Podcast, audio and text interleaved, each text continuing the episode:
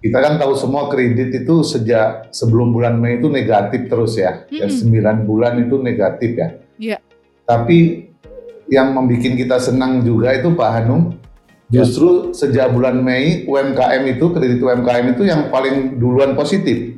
Oh. apa pertumbuhannya. Mm -hmm. Ya jadi uh, pada Mei itu udah datanya 1.57 persen ya. Nah sekarang itu Agustus posisi 2.7 persen. Jadi artinya secara secara keseluruhan dibanding dengan apa kredit total kredit UMKM itu menunjukkan positif. Jadi ini kan sebenarnya peluang ya. Intinya itu yang kita bahas hari ini kenapa UMKM masih uh, berinteraksi atau mendapat uh, apa namanya fasilitas dari kredit perbankan tuh baru sekitar 30.5 persen gitu ya. Hmm. Terus uh, yang non bank tuh baru 6,1 persen. Nah ini yang yang apa menjadi tantangan kita uh, bagaimana meningkatkan akses pembiayaan. Jadi kan ini masalah adalah uh, demand dan supply. Nah, uh, di dalam ratas presiden itu targetnya 20 persen ya Pak, 30 persen ya Pak Anung ya hmm. di tahun 2024. Nah ini ini ini kan target industri kan gitu. Nah uh, sudah barang tentu presiden langsung mengarahkan ke semua kementerian termasuk Bank Indonesia hmm. apa yang harus dilakukan untuk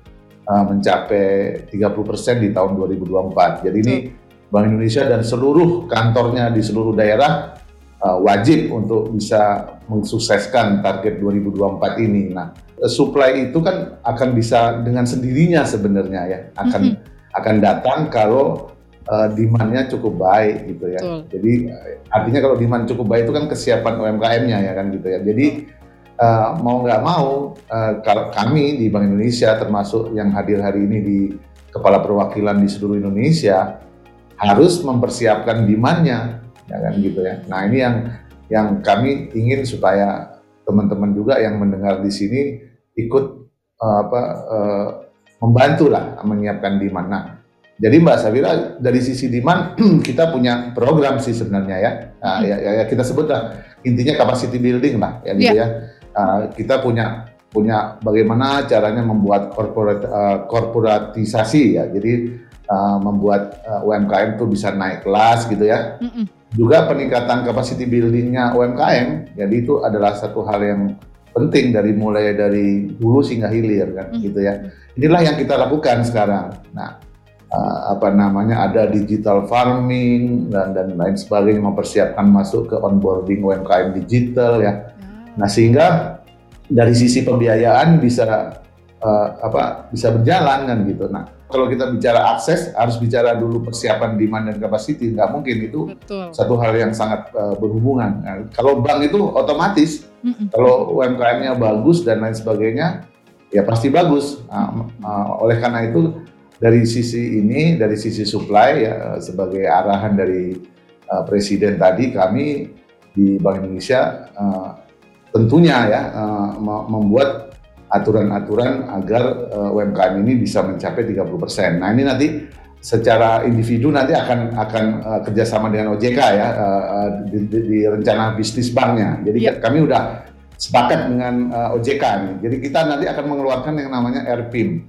Nah RPIM itu nanti untuk industri lah kira-kira ya. Jadi uh, rasio pembiayaan inklusif makroprudensial ini akan menuju 30% di 2024. Ini secara industri ya, uh -uh. Uh, bukan secara individual bank ya. Jadi okay. nanti kita lihat. Nah, ini salah satu contoh uh, apa nah definisinya UMKM nih Pak Hanung. Kita perluas gitu ya. Jadi kita perluas uh, definisinya. Jadi nanti uh, UMKM itu bisa lang kredit langsung dengan mitra ya atau melalui yang namanya nanti surat uh, pembiayaan lah, uh, uh, surat berharga pembiayaan inklusif. Oh. Nah, ini ke depan ya. Jadi kalau ada bank yang berlebih, dia bisa jual surat berharganya dibeli bank yang tidak spesialisasinya di uh, UMKM kan gitu ya. Yang penting adalah kita akan uh, membawa mereka ya. Ini sekarang ada Dijiku. Dijiku itu adalah kerjasama fintech dengan Bank Himbara ya. Ini yang salah satunya aksesnya juga Bank Indonesia juga terlibat di situ. Okay. uh, agar Bank Indonesia apa namanya kalau memang persyaratannya sulit tadi ya tapi ini ada ada semacam fintech yang kerjasama dengan Bank Himbara yang namanya Dijiku ini bisa dimanfaatkan untuk akses uh, pembiayaan. Jadi ini beberapa hal yang apa namanya yang bisa kita lakukan. Dan yang terpenting memang nah ini saya mau bilang keris. Nah keris ini penting mbak karena memang ternyata keris ini membuat UMKM jadi lebih banyak ya, mudah dan lain sebagainya. Komitmen dan konsistensi kualitas itu penting untuk menjaga supaya bisa akses pembiayaan. Yang kedua, ya memang harus kreatif. Nah ini yang yang yang perlu supaya barangnya itu juga orang akan memberikan kredit kan menganalisisnya dia kreatif, inovatif apa enggak kan? Gitu. Betul.